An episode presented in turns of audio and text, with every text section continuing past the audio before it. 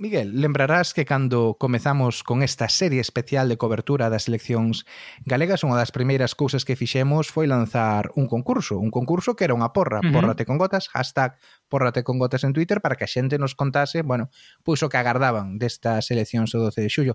Como imos a participación? Pois bastante mellor do que agardaba, porque xa temos máis de 30 porras, quedando claro que o sorteo era gratuito e que había regalos, así participa todo Cristo, e, e a verdade é que vexo bastante optimismo no sector da esquerda, porque aproximadamente a metade dos que participaron pensan que o PP vai perder a maioría absoluta, mesmo un deles, Diegiño 77, pensa que o PP vai ter só 35. Que mellor proba de que as porras non son necesariamente demoscopia, máis ben todo o contrario, porque as enquisas pesquisas pois, pois están indicando todo o contrario nestas semanas. Efectivamente, non son demoscopia, pero son divertidas. E se vos queredes participar eh, nesta Porrate con Gotas, o tedes que ir a Twitter, utilizar o hashtag Porrate con Gotas e darnos a vosa, a vosa predicción. Importante, non valen, non valen horquillas, ten que ser o número exacto e a persoa que gañe pois agasallarémolo cunha taza do, do Té con Gotas, cunha taza promocional do, do noso programa. Ten que ser resultado exacto, eh? non imos facer non íamos facer aproxima, aproximacións. Claro. Pero bueno, eh, tamén podes participar na conversa que se está dando eh, en Twitter, de feito sumousenos outro día unha eurodeputada, Ana Miranda, do, do BNG, que aínda que ah. non nos quixo dar unha, unha predición exacta, sí que se sumou ao grupo dos que crían que, que o Partido Popular ia perder a maioría absoluta e que iba a haber un goberno de esquerda. Claro, tamén que iba a dicir ela, non? Oh, claro, sí, valle, valle no soldo, non como se din. Pero bueno, falando de, de, de maiorías absolutas, hoxe imos entrevistar a Antonio Rodríguez Miranda, que é candidato do Partido Popular pola provincia de Ourense. Dentro intro. Think about Brexit. What, what's that? Like? Order! The nose to the left, 432. With the light, with the music, Very welcome everybody here. A Brexit question in English, if you don't mind. Bueno, no, hombre, no vamos a hacer. Venga, adelante. ¿Quiere usted hacer el puñetero favor de largarse de aquí y de... No va usted a hacer nada ya. You like a cup of tea? Yeah, sure. Go on, have a cup of tea. Thank you, thank you. Miguel, só quedan uns días para que remate a campaña electoral. Ti xa votaches, votaches por correo, vas ir ao colexo electoral. Lembremos que estás en Galiza, por certo. Sí, no, no, aínda non votei. Teño previsto votar no colexo electoral o mesmo domingo, que as tradicións mm, do voto hai que mantelas. Se Si mm. non é o mismo meter o voto en urna que mandalo por correo, verdad que non, non, ten, non ten tanto romanticismo. No, totalmente de acordo. De feito, eu vou ir ao vou ir á embaixada, vou ir camiñando dúas horas para evitar coller o transporte público, dúas horas e media. Vou Coño, ir ali o propio domingo e a votar en, en urna, bueno. como, do, como Dios manda. Coa foto de Correcto. Fraga ali, que ademais na, na sala de votación teñen a foto de Fraga porque foi embaixador. Sí, que eso máis máis galego, máis galego imposible. Teñen eh, ali todas as fotos viejunas dos embaixadores, sí. Sí, sí, sí, por o medio está esta fraga. Pero a ver, centrándonos un pouquiño na, na, neste neste último capítulo do, da nosa cobertura especial das eleccións. Como estás vendo estas últimas, estes últimos días, esta reta final da campaña? A ver, pois Depende do partido. Eu, mm, polo Pepe Dega, bueno, é certo que sigue un pouco co discurso desde o comezo, de hai que ir votar, eh, que isto non se dea por feito, Galicia, Galicia, Galicia, pero últimamente sí que me está chamando a atención unha das mensaxes que están intentando colocar é esa especie de acusación aos partidos da oposición de que supostamente están enganando a, a xente dicíndolle que ir a votar pois non é seguro por causa do coronavirus, como si eh, estiveran temendo unha baixa participación e que iso pudera ter un, un efecto negativo para eles.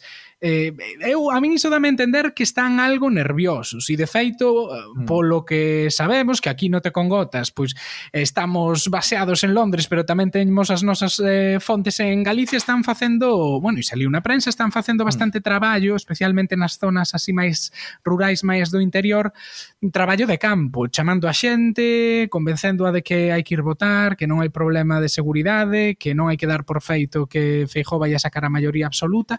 Entón a min ese tipo de mensaxes danme a entender que o mellor pois hai certo nerviosismo, pero bueno, o mellor é, é como comentábamos o, o outro día, é, é o típico alumno chapón que di que lle saiu moi mal o examen e ao final vai sacar un 9,5, non? Entón, bueno, a ver, a, non, non sei que haberá de certo aí de fondo, pero sí que me chamou a atención eh, iso por parte do PPDG. Uh -huh. Sí, e desde logo eh, concordo contigo e a maiores siguen co, coa idea ou transmitindo moito a idea de que pois Feijó é o único partido, bueno, Feijó non é un partido, é dicir, Feijó representa ou, ou o sí. único, bueno, ou sí, claro. Eh, Se representa a, a única candidatura sí, parece que, que Fijó é o partido, o Galicia é o partido, ou a Xunta é o partido, non queda non queda moi claro, porque son os únicos que teñen experiencia de xestión e que o outro pois é un, unha cacofonía, non, de moitos de moitos partidos, a pesar de que, bueno, unha parte importante do país a nivel municipal ou deputación realmente está gobernado por eh, por coalición, é dicir, non non están os galegos tampouco habituados a a elixir gobernos de coalición. Pero pensando xa noutros partidos, pois pasándonos, por exemplo, ao PSDG, eh, eu o que estou vendo é que eh, o discurso que están dando está moi moi centrado en defender o goberno de Pedro Sánchez, non? Tampouco é que sí. este facendo un seguimento da campaña ao día ou ao detalle, non? Pero escoitando entrevista outro día a Caballero en La Voz de Galicia ou ou lendo pois algunha, algunhas novas na prensa na prensa galega, dá má sensación de que todo xira moito en torno ao que fai ao que fai o goberno de Estado e a como pois precisan meter a Galicia nese nesa vaga de gobernos progresistas que comezou en teoría, segundo eles, co, co goberno co goberno de España. Non sei, non sei como si, si ti concordas con isto, se si o que estás percibindo.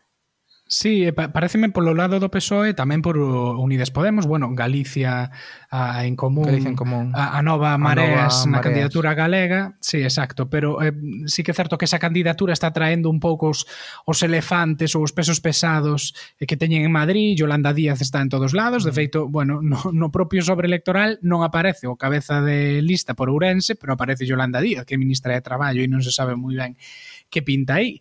Eh, veu Monedero, eh, veu Pablo Iglesias, sí que hai un pouco, bueno, chegada de, de referentes televisivos e do goberno de, de Madrid. Mm. Eh, dicíame outro día un colega que, bueno, tampouco é que sexa moi partidario do BNG, que curiosamente esta campaña do, do PSOE de, e de Galicia en Común tan centrada en Madrid parecía que estaba facendo do BNG como algo moi novo, non? Eh, e mm. moi máis centrado en Galicia. E realmente eu creo que sí que pois hai xente que iso non lle, non lle pode gustar porque son realidades diferentes, non? Eu, lóxicamente, mm. entendo que os partidos tenten sacar vantaxe do que se está facendo en Madrid como un exemplo do que se podería facer eh, na xunta, pero eu creo que hai límites que nesta campaña algúns partidos están están mm. pasando. Bueno, o que consta que o de Yolanda que che Díaz, parece? espera, antes de pasar ao BNG, quere, quere sí. comentar un cousinho sobre o Yolanda Díaz. A, a pesar de todo, eu eh, neste caso concreto entendo, porque últimamente vimos que Yolanda Díaz está pois asumindo unha unha gran referencialidade na esquerda española. Entras en Twitter e, e está todo Dios dentro dun determinado sector político falando de yolismo, non? E compartindo estes sí. vídeos, pois as intervencións de Yolanda Díaz enfrontándose a determinados deputados do PP no Congreso. Bueno, está nun momento moi eh, moi doce. E entendo perfectamente que Galicia en Común diga, pois pues este é o noso activo, eh, Galega está, estivo aquí no Parlamento Galego hasta aí dous días, e, eh, e eh, vou, vou aproveitala. Non teño tan claro outro tipo de referentes que non teñen nada que ver con Galicia.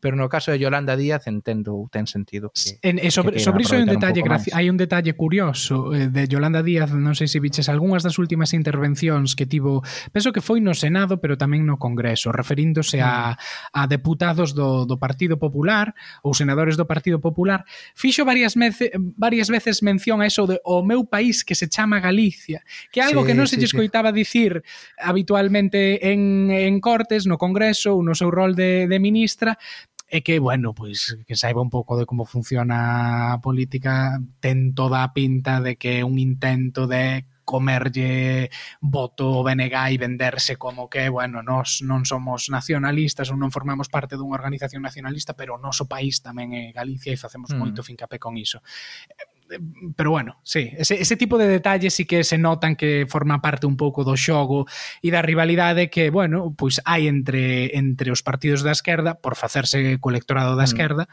como é normal. Claro. Claro, e bueno, agora preguntabasme un momento que, que como vio do BNG e eh, xa o falamos sí. cando, cando entrevistamos a Ana Pontón, o BNG chega a estas eleccións nun momento moi doce. Posible, bueno, posible, moi moi posible que sexan as primeiras eleccións autonómicas nas cales o bloque aumenta a representación desde o ano 1997, que é un montón de tempo, uh -huh. non? Entón, calquera cousa, pois vai a ser, vai a ser positiva para, eh, para o BNG o que a mí me preocuparía se eu fose eh, do, bueno, se, se, se dependese de min, é eh, que quizáis as expectativas que se están creando son bastante altas, no sentido de que están están xestionando e traballando moito a idea da presidenta, unha nova presidenta nacionalista, o sorpaso ao PSOE, é dicir, é, o optimismo é unha forza enorme na, na política, pero ten un risco que se todo o mundo está esperando que, te, que, que pois que eh, sexas capaces de liderar un goberno ou de liderar a, a oposición se despois sacas un resultado menor, aínda que sexa moito maior que o que tiñas hai 4 anos, pois pode crear certo certa decepción dentro dentro das bases. Para min a política ten claro. moito de xestión de expectativas. Eh, neste caso creo que o BNG está arriesgando bastante con iso. Claro. Sí, sí, porque, bueno, de feito falaba outro día con, bueno, xente que é afín afín fin ao bloque para as que eu creo que se o Bloque saca 12 deputados e queda por detrás do PSOE sería un fracaso. Bueno, elas mesmas claro, o dicían.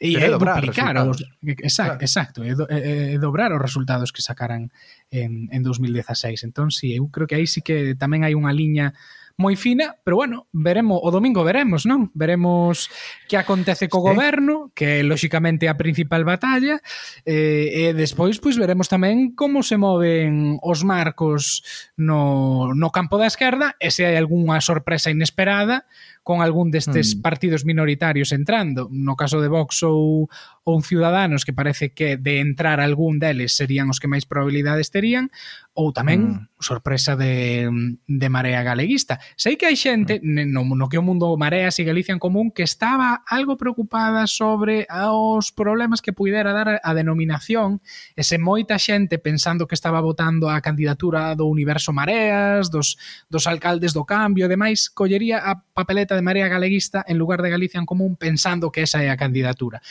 Veremos, mm. veremos que o que pasa e se si eso xoga a favor de, da Marea Galeguista ou non. Pero, bueno, hoxe no Te con Gotas non toca falar eh, das múltiples forzas de esquerda, hoxe toca falar eh, da dereita, toca falar eh, do poder e da Xunta de Galicia. Imos entrevistar a un membro do, do goberno galego, pero antes de nada, eh, a nosa cuña publicitaria habitual se queredes que sigamos eh, facendo programas deste tipo, que sigamos entrevistando a xente a xente do poder, pois o que necesitamos é pasta para facer un podcast máis influente, que chegue a máis xente e que obrigue, pois a, non sei, a conselleiros ou a presidentes da Xunta a ter que vir aquí aos micros, aos micros do Te con Gotas. Así que lembrade, temos unha conta en Patreon, patreon.com/tecongotas, na cal podedes eh, suscribirvos e pagar unha cota mensual que axude a manter este podcast e a facer que cheguemos a máis xente, a facer que mm, podamos facer programas especiais deste como, como que temos hoxe, hoxe aquí, así que lembrade patreon.com barra tecongotes. Pero vale, pois volvendo, pues, promo volvendo... feita, Claro, a quen temos hoxe con os Duarte? Bueno, xa o dixemos antes, pero quen é? Danos máis datos sobre Antonio Rodríguez Miranda. Pois sí, Antonio Ríguez Miranda é secretario xeral de Migración desde o ano 2012, seguro que moitos dos nosos subvintes xa o coñecen eh, por iso, é candidato ao Parlamento en galego polo Partido Popular na, na provincia de Ourense, en Pai eh, de número 5, e isto que imos escoitar eh, agora é o que nos contou no día de onte. Hola, Antonio, que tal? Que tal? Moi boa tarde. Bueno, se si son solo candidatos, secretario xeral era hasta o día 11 ou se son ah, só vale. candidato. De momento só candidato, é verdade. Efectivamente. Eh, Eh, antes de nada, unha pregunta que leva vos, bueno, levas moitos anos como, como secretario xeral, aínda que agora só sexas eh, candidato, que, que fixo o Partido Popular pola comunidade galega no exterior nesta década ou nestes oito anos? Bueno, pois eh, nestes oito anos eu teño que decir que eh, como, como nos últimos 30 anos de autonomía Galicia sempre está moito mirando cara ao exterior, non? Se non o fixéramos, a verdade é que seríamos absolutamente injustos ca nosa historia. Pero é certo que nestes últimos anos, digamos que estamos cambiando tamén a visión de traballo. Ata agora, pois eh, traballábamos solo mm, de cara a estar cerca dos galegos que estábamos no exterior, tanto en América como en Europa, en Europa máis nesa cercanía, máis nese apoio cultural ás propias entidades, ás persoas, en América cun componente social moito máis cargado, porque evidentemente as cuestións, as cuestións son distintas, non hai uns sistemas de protección social públicos eh, tan solventes como os que temos en Europa, pero desde, o, desde un tempo para cá, eh, digamos que eso todo complementouse con algo máis, non?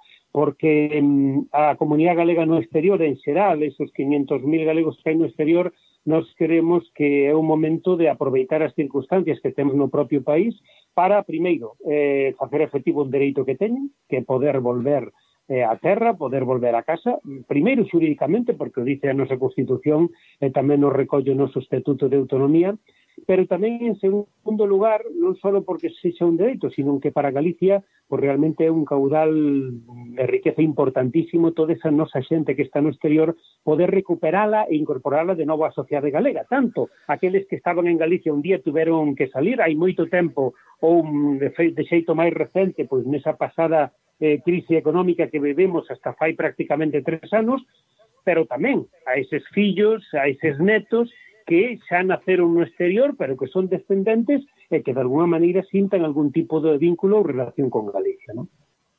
Uh -huh. Eh, para esta próxima legislatura, para de, no caso de, de que o Partido Popular volva a formar goberno, que novas propostas incorporaría o Partido Popular para, para a nova migración?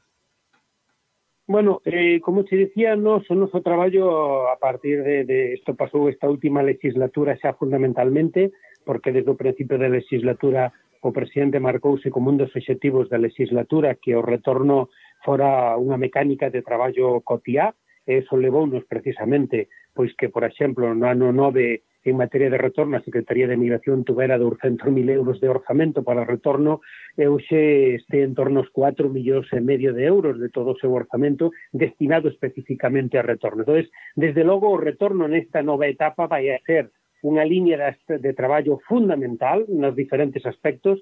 Nós temos aínda en marcha ao longo deste ano a estrategia retorna, que por primeira vez o que fai é que conforma todo o goberno galego posto a traballar todos os departamentos de xeito eh, a buscar maneiras, mecanismos eh, para favorecer eh, a recuperación das persoas galegas do exterior, a volta á terra e facilitarlles a integración laboral eh, desde o punto de vista de traballadores por conta allea, desde o punto de vista dos profesionais máis cualificados cos programas específicos que se desenvolveron, por exemplo, en materia de innovación ou en materia de investigación, por suposto apoiando tamén o retorno de aqueles que queren chegar, volver a emprender con liñas especiales e exclusivas para apoiar ese emprendemento ou no resto dos programas con incentivos eh, a maiores, é dicir, programas que existen para cualquier galego, pero que no caso dun retornado teñan un incentivo especial para facilitalo. Por suposto, no ámbito educativo, eh, no ámbito social, eh, é dicir, que unha persoa que queira volver a Galicia ou unha familia que queira volver a Galicia se sinta acompañada.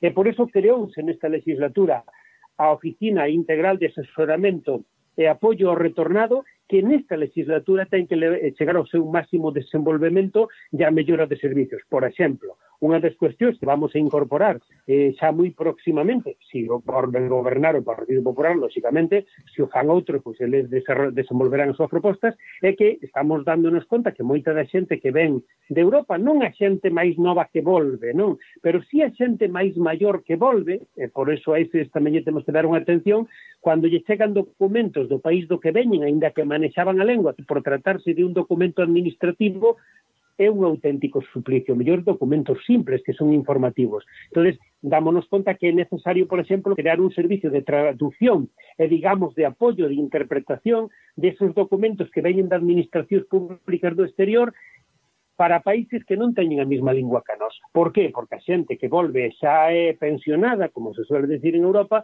a veces eso incomodalle, ten que acudir a servicios privados, ten que acudir a historias e queremos que a administración, por exemplo, lle pode axudar aí, por poñerche un exemplo, non? Unha das medidas estrela do goberno da Xunta nos últimos anos para a emigración galega e especialmente a emigración máis nova era este programa de bolsas polo cal, bueno, pois se facilitaba aos galegos que vivan no exterior regresar ao país a estudar algún tipo de mestrado. De feito, bueno, que vivimos aquí no Reino Unido nos últimos meses era moi doado ver nas redes sociais anuncios da Xunta facendo promoción deste, deste programa de bolsas. É, é o problema da emigración galega e especialmente dos máis novos un problema tema de formación? Non, non, en absoluto. A ver, o que se trata é de algún xeito eh, a que esa, esos galegos que, que podemos ter no exterior, como se decía antes, tanto eh, de primeira xeración, eh, mozos ou non tan mozos que durante o período de crise saliron cara fora, porque de Galicia no período de crise salín xente, evidentemente non hai cifras para nada comparable eh, ao que pasaba nos 60 ou nos 70, nada que ver, e saliu xente con todo tipo de perfil, xente con moi boa cualificación profesional, nomeadamente eu diría que eh, máis o Reino Unido ou Alemanha, e xente tamén con non tan alta cualificación profesional desde o punto de vista de titulación universitaria, me refiero, que pero sí con boa cualificación profesional desde o punto de vista de experiencia, pois tamén para estes dous países e ademais para Suiza, non?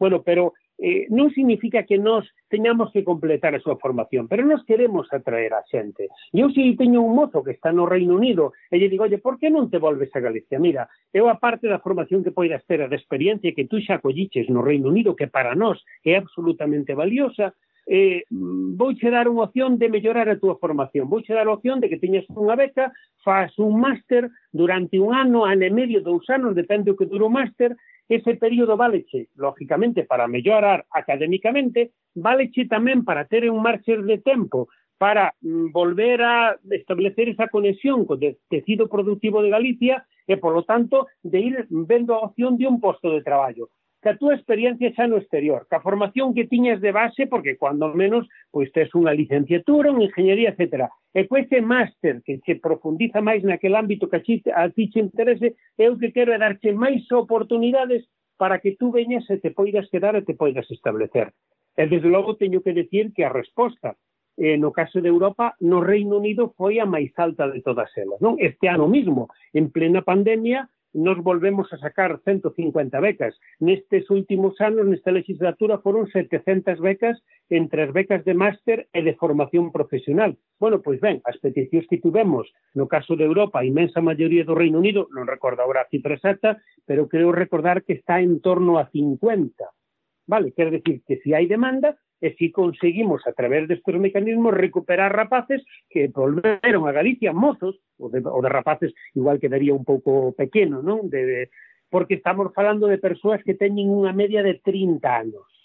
Eso significa moito. Eso significa recuperar a alguén, se digo, que ten unha formación importante académica. que xa ten unha experiencia profesional que non la complementamos aquí en Galicia e que automáticamente incorporamos ao tecido productivo de aquí, co que nos está generando, por decirlo así, unha vantaxe competitiva moi importante pois nesta economía globalizada que temos hoxe. Temos casos de rapaces deste tipo que viñeron cunha beca que seguiron vinculadas ás súas eh, empresas no país que estaban, no Reino Unido, en Alemania, en outros países de Europa, eh, que desde aquí fixeron o máster, continuaron coa súa vinculación e mesmo algún desarrollou logo unha iniciativa empresarial. Bueno, pois iso é o que queremos tratar de axudar a través deste programa.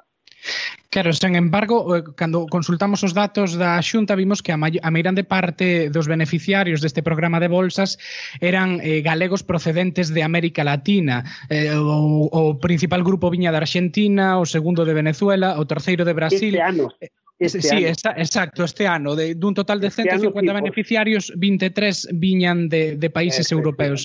É, é unha convocatoria sí, sí. máis dirixida a traer descendentes no. de galegos que emigraron o século pasado, máis que a no, galego, mozos galegos que emigraron recentemente.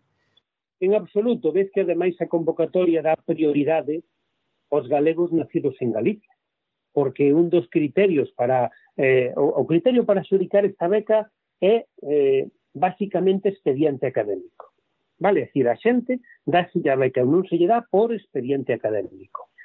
Pero logo ten uns pequenos eh, factores de corrección, por decirlo así. Ten unha puntuación añadida. E esa puntuación añadida, a máis alta, é para aquelas persoas que naceron en Galicia sobre aqueles que naceron no exterior. Para que? Precisamente para dar ese plus de prioridade a tratar de recuperar aquelas persoas que naceron aquí, que saliron e que ahora que irán volver. Evidentemente, temos que pensar que da, da, do universo de galegos no exterior hoxe, pois mm, basicamente o 30% ou 30 e poucos por cento está en Europa e o 70% está en América. Polo tanto, primeiro, eso xa nos vai a dar un indicador de que si temos unha masa moito máis alta ali, o número de personas que veñan tamén.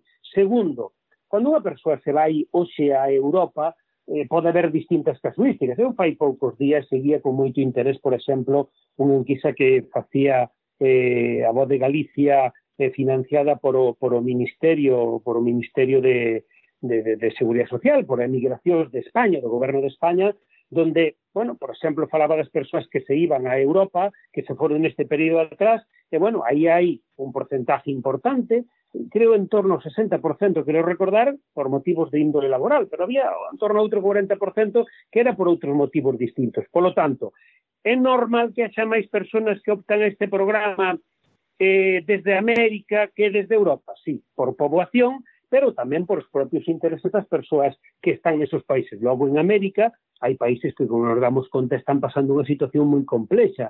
Por lo tanto, que a eses galegos lle demos unha oportunidade e tratemos de que si teñen que salir dese país, en vez de marcharse a outro país do mundo ou a outra parte de España, tratemos de recuperarlos tamén para Galicia, non? E ese tamén é un dos obxectivos deste programa.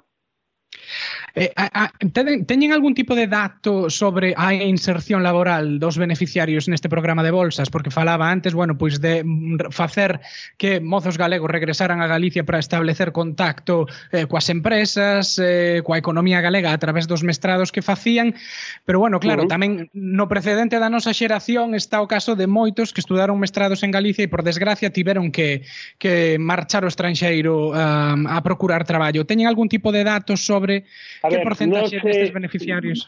Date conta que ahora estamos na cuarta convocatoria, por decirlo así, eh, estamos terminando un estudio que se está desenvolvendo neste, neste momento respecto das primeiras. Eh, eu sí podo decir, por os datos que xa tiñamos máis al lado que resulta deste propio estudio, que eh, en torno ao 80% das persoas que viñeron nas dúas primeiras convocatorias eh, permanecían en Galicia quedábanse en Galicia. Logo, evidentemente, desos había persoas que acadaran postos de traballo estable, había outras persoas que tiñan postos de traballo de carácter temporal, eh, había outras persoas que incluso tiñan iniciativas empresariales propias. Eu ahora sí que non me de, atrevo a dar uns porcentaxes concretos porque non teño estudio cuantitativo eh, feito ad hoc, non por decirlo así. Si temos un seguimento, porque nós con todos os becarios que veñen, mantemos un contacto de xeito permanente ao longo do proceso, de feito organizámoslle eh, ao longo do momento, mentre están facendo os seus másteres, diferentes xornadas, desde o momento que chegan, como ao longo do, do, do, do, do curso, por decirlo así, para eh, axudarlles e eh, para orientalos no ámbito laboral. Logo, tamén os propios másteres pois eh, teñen incluídas prácticas en relación con empresas, eso xa dá unha salida importante, hai xente que antes de acabar o máster se incorpora, e logo tamén hai un matiz que hai que ter en conta. Os másteres eh, que permiten obter esta beca non son todos os das universidades galegas. Hai unha lista de másteres que se poden facer co estas becas, que son unhos, eh, esas, esos másteres que se escollen sono en base ao grado de empregabilidade. Vale, nos pedimos o observatorio eh, de Emprego de Galicia, eh, porque as universidades galegas non quixeron, por decirlo así, mollarse neste tema, porque nós o que non queremos é decirle a xente, douche unha beca, faz un máster, pero resulta que é un máster que oportunidades laborales ten poucas. De alguna maneira, nós temos que tratar que os másteres que paguen estas personas teñan eh, a priori as mellores condicións para conseguir un posto de traballo. entonces precisamente, eh, clasifico o Observatorio de Emprego de Galicia e son aqueles de maior empregabilidade os que se ofrecen para poder acceder á beca. Ou dito de outra maneira, os que queiran pedir a beca solo poden facer aquelas listas de másteres que está incluída na propia beca. Non sei se me expliquei. Uh -huh. ah, sí, sí, perfectamente. Eh, xa cambiando un pouquiño eh, de tema, saindo un pouquiño da parte dos, dos másters, unha cousa que Miguel e eu escoitamos moito durante a campaña, distintos representantes do mm. Partido Popular, era utilizar o, bueno, comentar que hai máis xente retornando a Galicia que saindo eh, saindo de Galicia. E claro, Correcto. nos botamos un ollo, botamos un oito, un ollo aos datos e vimos pois que hai quizáis tres perfis distintos de retornados temos sí. o pois eso en torno á metade que veñen de, de América, en moitos casos xente nacida fora, antes mencionabas pois algúns países que están pasando dificultades internas, para, por exemplo, Venezuela, sí. que é o país que do que máis retornados hai. Despois vemos tamén sí. moita xente que vende países europeos en idade de xubilación e un número pois máis pequeno sí. de xente menores de 65 anos nacidas en Galicia que están en países en países europeos. Eses son un poquinho os tres perfis que que nos Correcto. identificamos. E, e claro, unha cousa que nos, nos, nos chama atención é que pensamos que moitas veces a día de hoxe, cando se fala de retorno, no imaginario colectivo de moitos cidadáns e moitas cidadas galegas, están pensando máis en xente de xeracións máis novas que tivo que marchar nos últimos anos. Eh, que vai facer o PP para recuperar estas últimas eh, ondeadas de, de migrantes? A ver, eh, nós cando facemos unha política non a podemos facer solo para determinado tipos de galegos que están no exterior. É dicir, nós non temos galegos de primeiro ou de segunda no exterior. Nós cando hai facemos unha política hai que facela para todo tipo de galegos, tanto os que residan en Europa como os que residan en América, vale? Eh, que cuantitativamente haxa máis persoas que veñan de América con Europa, decía ao principio, é dicir, se si tú hai 500.000 galegos no exterior e, e desos 500.000 galegos, mm, o 70% está en América e o 30% en Europa, segundo, desos 500.000 galegos, o 80% xa naceu no país no que está, non é realmente un emigrante galego. De feito, se si vos mirades tamén as estadísticas de galegos nacidos en Galida e que residen no exterior, veredes que desde o ano 9 a hoxe hai en torno a 12.000 menos, é dicir, hai menos emigrantes no exterior, aínda que hai máis galegos no exterior. Vale, eso dase prácticamente tamén en todos os países de Europa. É dicir, se si tú ves eh, no Reino Unido, ves que as cifras de galegos no Reino Unido medran cada ano, pero medran fundamentalmente por os galegos que se van incorporando, porque van nacendo, porque os seus países inscriben, por decirlo así. Esa é a cifra, e eso pasa no resto. Ese, eso con máis forza en América, sí, Por qué? Porque as emigracións en Europa son máis recentes e en América son máis antiguas. Por lo tanto, ali fundamentalmente van a primar cada vez máis os de segunda xeración ou os de terceira sobre os de Europa, porque ao final os de Europa as primeiras vagas migratorias pois son dos anos 60 e pico largos 70. Vale? entonces Primeiro, hai, fai falta que en clave interna de Galicia haxa unha boa conxuntura económica. É dicir, se en Galicia non hai postos de traballo, non hai políticas nin de tipo migratorio, nin de retorno que valga. Porque se si tú non tes un tecido productivo que sea capaz de asumir a esas persoas, as medidas poderás tomar, pero non van a ser eficaces.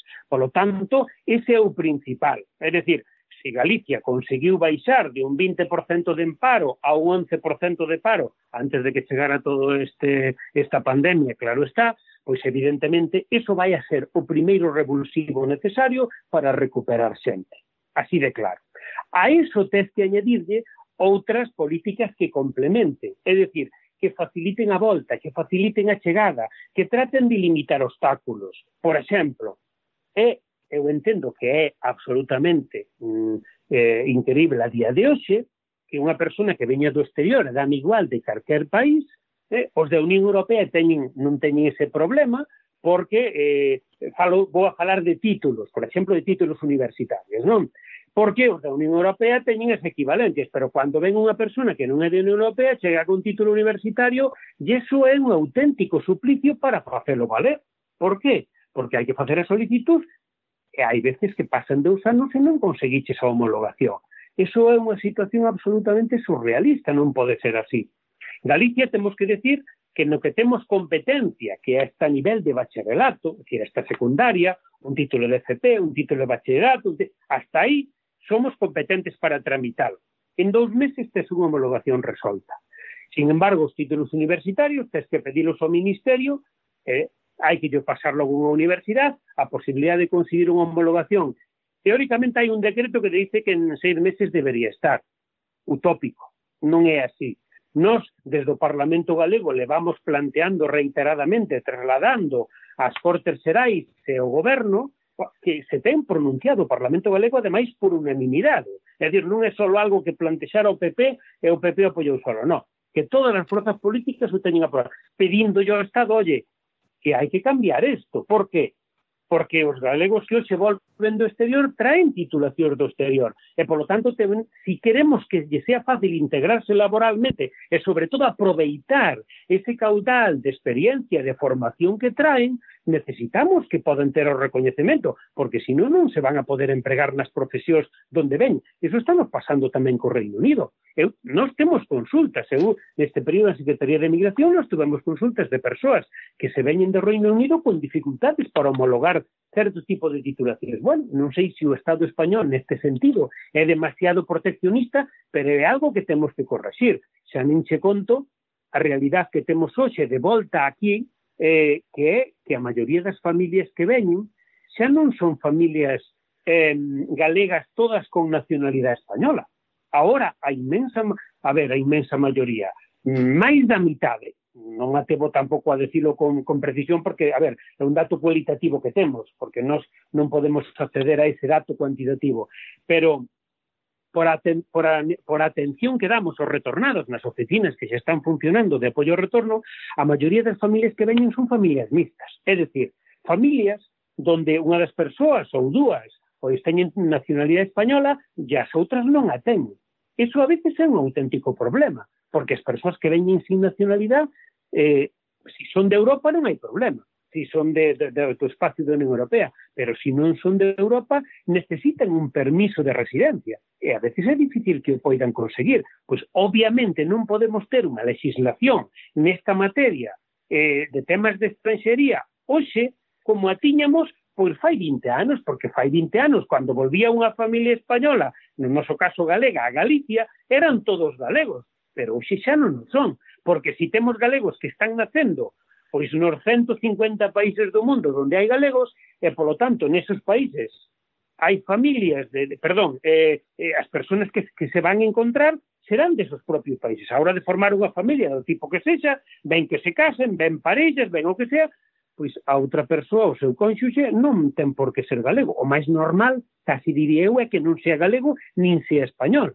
Polo tanto, os seus fillos, pode haber fillos que sean españoles e galegos, outros que non nos sexan, mesmo hai familias que os fillos unhos son dun cónxuxe e outros son de outro, porque a familia hoxe pois é moi diversa, por, por decirlo así. Bueno, aí a legislación española non está a posto día, para non ser unha das grandes reivindicacións que levamos nesta legislatura e que de logo vamos a seguir legando na próxima legislatura ante o goberno do Estado. Bueno, falabas aí un momento tamén pois eh, de como contabilizar ou de contabilizar a cantidade de galegos que hai eh, que hai no Reino Unido. Unha cousa que a nós nos chamaba a atención tamén cando virábamos os mm. datos é que vemos moite, particularmente nos países da Unión Europea é que vemos moitísima discrepancia mm. entre o que conta, pois por exemplo, o país receptor, neste caso o Reino Unido, e o que contan os consulados, porque o estar dentro dun espazo no que existe libre movimento vemos que hai moitos galegos que simplemente non se rexistran. Está tomando algunha medida ou algún tipo de estudio de investigación desde a Xunta de Galicia para intentar entender un pouquiño máis o perfil da, da nova emigración que non require eh, registrarse nos, nos consulados? A ver, eh, eu teño que dicir que primeiro é un error non registrarse no consulado. Vale, eso Pero bueno, é unha realidade, é dicir, independente no, no, entendemos sí, sí, que eu sei, eu sei, por eso digo, mm. por eso digo que é un erro, débese facer porque logo en determinados momentos Por exemplo, agora ocorreu nos co tema este da pandemia ahora de ser cero votos. Persoas que non están inscritas, que queren ser cero voto, teñen que escribirse como voto ERTA o cual tiñen dificultades porque necesariamente tiñen que ir ao consulado a inscribirse pero había persoas que non podían desplazarse dentro do Reino Unido, porque nos chegaron no varios casos. Claro, pois pues, eh, dificilmente se lle pode solucionar. Sin embargo, se si estiveran escritos, si puderan haber exercido o voto normal, cera, que se pudo facer solicitar telemáticamente, decir, un dereito, por exemplo. Mira, si efectivamente hai, hai, pequenas discrepancias. Vale, nos facíamos un seguimento, eu, cando pouco de empezar precisamente na Secretaría Xeral de Migración, alá polo ano 13, nos fixemos uns traballos de campo que logo fomos eh, seguindo desde a propia Secretaría para contrastar e comparar os registros dos países eh, mesmo sobre, sobre o campo, sobre o lugar, con traballadores da, con funcionarios da propia Secretaría, concretamente en tres países que é onde maior presencia galega temos, que foi eh, Reino Unido, Alemania e Suiza, para determinar o grado de diferencia que había entre os datos estadísticos do Estado español é a realidade. Eh, as, as discrepancias máximas que chegamos a encontrar estaban en torno eh, ao 15%.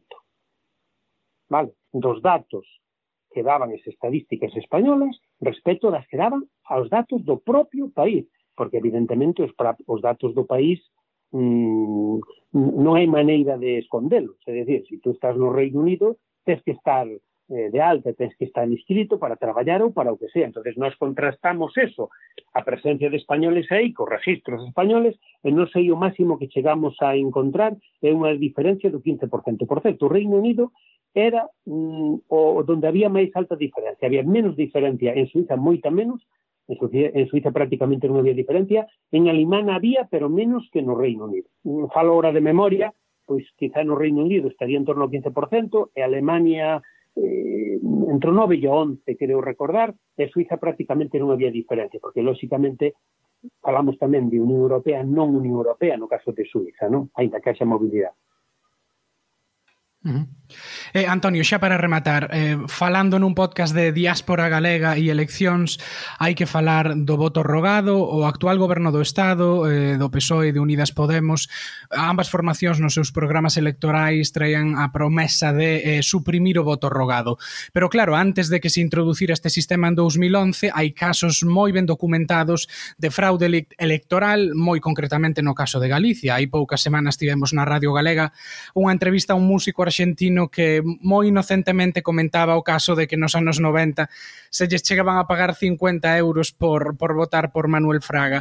Vostede que leva eh, pues xa case unha década frente da, da Secretaría Xeral de Migración, teme que unha supresión do voto rogado, como en teoría pretende o Partido Socialista e Unidas Podemos, poida traer consigo mm, casos de fraude electoral como os que aconteceron a finais do, do século pasado en Galicia, por exemplo? Mira, eh, eu direche dúas cousas. Primeiro, mm, o que comentou esta persoa na Radio Galega, eu creo que non respondeu a verdade. De feito, eu tuve moitas comunicacións de Argentina onde a xente se sentiu tremendamente ofendida. Primeiro, hai que porse atrás o tempo que se refería. É imposible. É, decir, é imposible desde todo punto de vista que alguén pagase 50 euros por ir a votar. Eso mm, vamos, eu sinceramente non vou podo creer e a xente de Argentina, a verdade que lle pareceu moi molesto, porque de alguna maneira veu a dicirlle que eran unhos vendidos. Que sí, efectivamente, había, como tú ben dices, e hai algunha tesis documentada sobre este tema, un compañeiro vosso xornalista, como é Xo Luxilde, que fixe unha tesis sobre o voto exterior, que eu me vin con todo detenimento, unha das persoas que sabe bastante deste tema, e, efectivamente, eh, había problemas, porque non había baixas no censo, entonces co sistema que había, posibilitaba o fraude, vale? Pero un fraude, eu diría que é anecdótico, desde logo masivo de ninguna maneira, pero bueno, que sí efectivamente se prestaba irregularidades. Por eso se planteou o cambiar o sistema. Ahora digo, o PP de Galicia sempre apoiou o cambio do sistema. Desde o momento que se viu a ineficacia do sistema do voto rogado, dixemos que había que cambiar. Tanto é así que mesmo non estando eh, nos no goberno, no ano eh, 8, é dicir, había un goberno bipartito en Galicia, o PP apoyou e promoveu e saliu do Parlamento Galego unha proposición de lei para ir ás Cortes Xerais que realmente non chegou hasta cinco anos despois para modificar a lei electoral un sistema de voto directo mm, no exterior, vale? Moi parecido ao, ao voto aquí, utilizando os consulados, utilizando os centros galegos, utilizando centros españoles, etc. Paradóxicamente, cando chegou ao Congreso dos Diputados, foi despois de haber cambiado a lei, é dicir, despois de implantar o voto rogado, é dicir, unha iniciativa que saliu de Galicia antes de existir o voto rogado, chega ao Congreso despois de existir o voto rogado, e, e había que actualizarlo un pouco, pero no espírito do que recollía, basicamente seguía sendo perfectamente válido. E non sei o que seguimos defendendo, que os galegos do exterior voten da maneira máis parecida aos galegos da Galicia territorial que a maiores teña que haber ese sistema de voto rogado, entre comillas, que sería o noso voto por correo de aquí, para aqueles lugares onde non pode haber unha accesibilidade, establecer un lugar de votación? Sí, porque evidentemente chegar a todos os rincóns do mundo sería imposible.